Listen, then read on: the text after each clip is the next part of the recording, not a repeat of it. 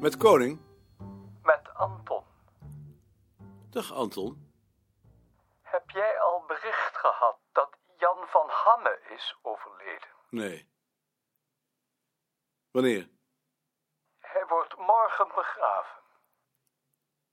Nee. Ik weet van niets. Wat heeft hij gehad? Dat weet ik niet. Maar ik kan onmogelijk naar Antwerpen toe morgen, want ik ben niet goed. Kun jij niet voor mij gaan? Wat heb je dan? Ik ben niet goed. Ik ga natuurlijk. Hoe laat is het? Om tien uur aan zijn huis. Dat haal ik niet. Eh, je kunt misschien naar de kerk gaan.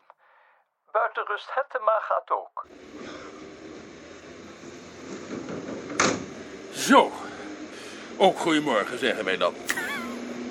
Ik was even bang dat ik het niet zou halen. Omdat het zo vroeg is. Nee, zeg. Ik ben mijn hele leven vroeg opgestaan. Maar er was iets met de trein. Arnhem. Wat heeft Anton eigenlijk? Ik weet het niet. Hij voelde zich niet goed, zei hij. Hij ziet er de laatste tijd niet goed uit. Hij heeft altijd ups en downs gehad. Ik heb hem al eens gezegd dat het goed zou zijn als hij eens een homeopaat raadpleegt. Een homeopaat? Ja, waarom geen homeopaat? Ik ben opgevoed met het idee dat dat kwakzalvers zijn. Wat kun jij soms toch merkwaardig ouderwetse ideeën hebben. Ik zal eens een boekje over antroposofie voor je meenemen.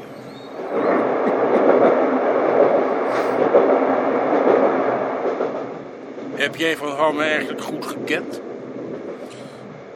Goed niet. Maar ik mocht hem wel. Ik heb één keer een gesprek met hem gehad. Ik vond het een ongrijpbare man. Ja, het was een gesloten man. Nou, gesloten niet. Ongrijpbaar. Dan die rare onderwerpen waar hij zich mee bezig hield. Ik heb nooit begrepen wat iemand daar nou aan vindt. Ook geen aardige iemand die een lege plek achterlaat, zoals ze dan zeggen. Misschien wel bij zijn vrouw. Laten we het hopen.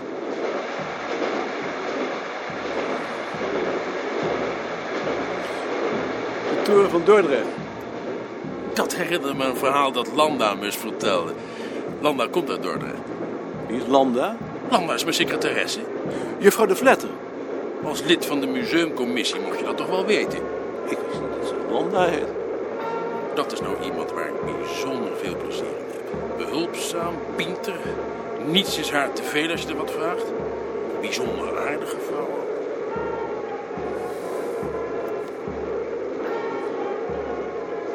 Het is merkwaardig dat ik over het algemeen beter met vrouwen dan met mannen kan opschieten. Anton heeft me wel eens gewaarschuwd nooit vrouwen aan te stellen. De voorkeur van Anton is dan ook de mijne niet.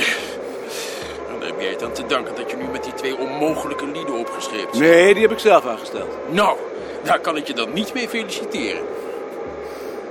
Denk wat je daar nou in gezien hebt. Ze zijn heel goed. Ach, kom. Wat komt er nou uit hun vingers? Als ze niet ziek zijn dan, want dat heb je ook nog. Nee, ik zie er niks in. Als je het mij vraagt, zijn het gewoon twee zeldzaam gefrustreerde figuren.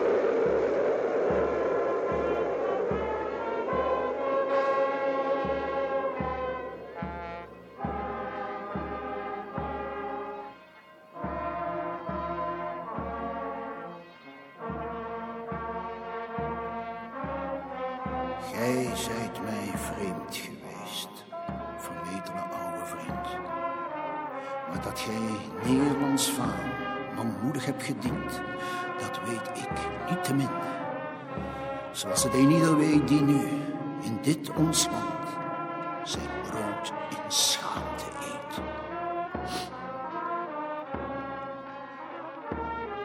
Ik ben bijna dood geweest. We waren eh, met vakantie. Ja, we waren met vakantie. Dat was het vorig jaar nog en toen kreeg ik van het ene ogenblik op het andere een hartbloeding. Eh, Dat ik dacht dat ik dood ging. Maar nu gaat het weer beter. Ah, dan is het nog geen honderd procent.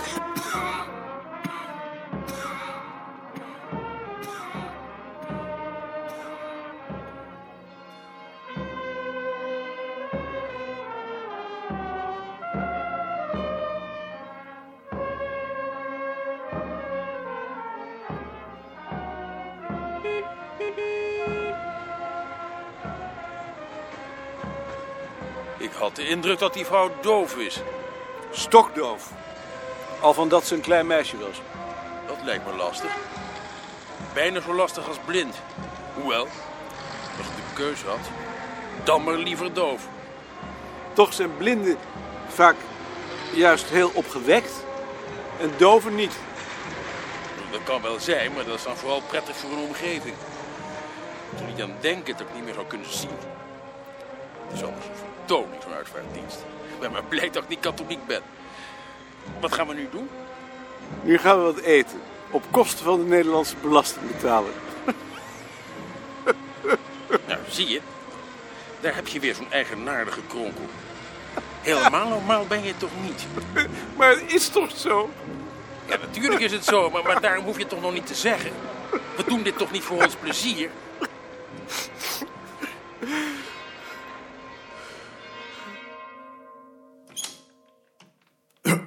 Nou, Ja, dan ga ik maar weer eens, hè? dan zien we nog wel. Misschien. Ja. Wilt u mij spreken? Eh, Ik kwam eens kijken hoe het met de roggebroodkaart staat. Oh ja. Ja. Ja, natuurlijk. Eh, Die is wel klaar, geloof ik. Eigenlijk had ik dat even moeten komen zeggen, misschien. Nou, nee. Hier heb ik hem, geloof ik. Zullen we elkaar maar niet Hans en Maarten noemen? Ja? Ik denk dat we ongeveer even oud zijn. Ja. Ja, dat zou wel eens kunnen. Ik ben 44. Ja. Ik ben 48. Bijna even oud. Ja. Een mooie kuit. Ja? Moet je zien. Het gekke is dat de grens precies langs de grote rivier loopt. Ten noorden van die grens breken ze de roggen.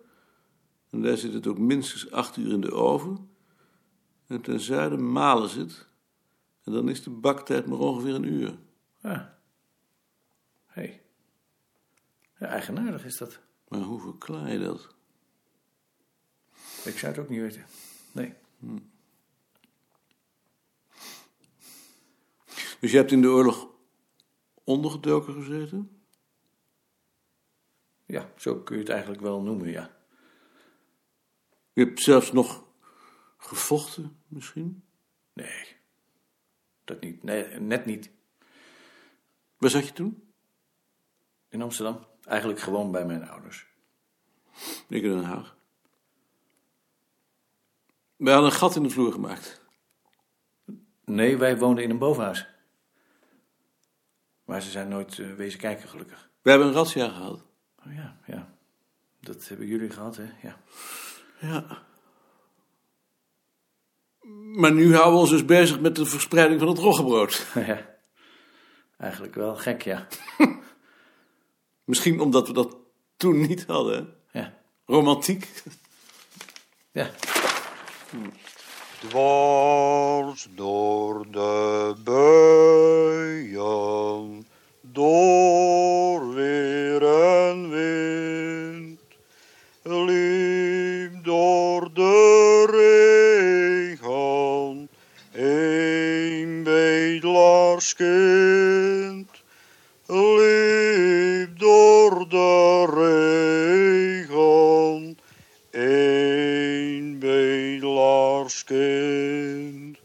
Wel eens met Jaring Elshout naar het station. En dan hebben we het ook wel eens over jou natuurlijk. Maar zoals jij het doet, dat vindt hij niet goed. Wat mankeert er dan aan? Dat gedoe met die kaarten en die fiches, dat vindt hij allemaal maar niks. Je zou veel meer het veld in moeten, zoals hij. Want nou leven de mensen nog die over vroeger kunnen vertellen en straks zijn ze dood. Dat zeggen ze al 80 jaar. Ja, verdomd. Alleen maar verzamelen zonder iets te willen verklaren, dat is zinloos. Dan blijkt achteraf altijd dat je het verkeerde hebt verzameld. Maar met die radio-uitzendingen heeft hij toch maar verdomd veel succes. Succes interesseert me niet. We zitten hier niet om succes te hebben. En als Jaring er nou eens voor zou zorgen dat je ook voor de radio kwam? Dan zou ik dat weigeren. Een man met een baan moet zijn bek houden. Maar als Jaring zijn bek hield, kon hij niet meer in zijn auto rijden. Ook alweer waar.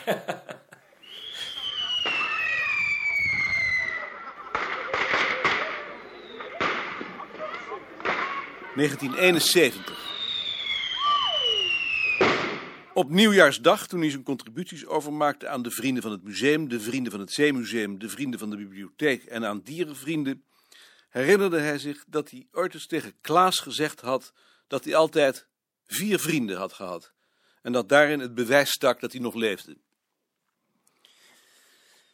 De nacht voor hij weer naar zijn werk moest, kon hij niet slapen.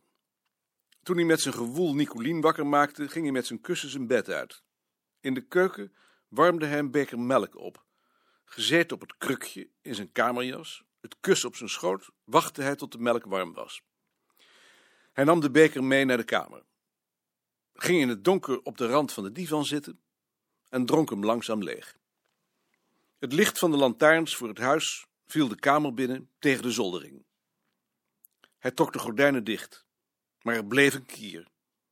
Hij sloeg het divankleed op en kroop eronder. Liggend op zijn rug keek hij de halfdonkere kamer in. Hij luisterde naar het tikken van de klok, zonder ergens in het bijzonder aan te denken. Waarschijnlijk dommelde hij zo even in, want enkele ogenblikken later werd hij wakker van het miauwen van een kat. Hij luisterde. De kat miauwde opnieuw. Hij stond op, liep naar het raam en keek tussen de gordijnen door. Er lag sneeuw. Een zwarte schaduw liep over de besneeuwde straat snel weg. De gracht lag dicht. De ramen waren ondanks de verwarming beslagen. Toen hij weer in bed lag, zei hij tegen zichzelf, om zich gerust te stellen, dat het geen zin zou hebben zich aan te kleden. De kat was al ver. Hij luisterde. Het miauwen kwam weer van dichterbij. Zijn eigen katten werden onrustig. En waar zou hij dat beest moeten laten? In de kleine kamer? De kleine kamer lag vol met platen, tekeningen van zijn schoonvader. Ziekte, vlooien. Het miauwen klonk weer van veel verder, nu bij de Blauwburgwal. Een van zijn eigen katten probeerde zich tussen de planten door achter het gordijn te werken. Hij richtte zich half op en joeg hem weg. Intussen werd de weerzin tegen zichzelf groter. Tegen zichzelf en tegen zijn huis, waar geen plaats meer was, waar hij zich verschanst had om te vergeten hoe kwetsbaar hij was. Een mens zou in een kale ruimte moeten wonen, zonder bezit, zonder banden. Je bedreigd weten en daaraan toegeven is je bedreigd maken.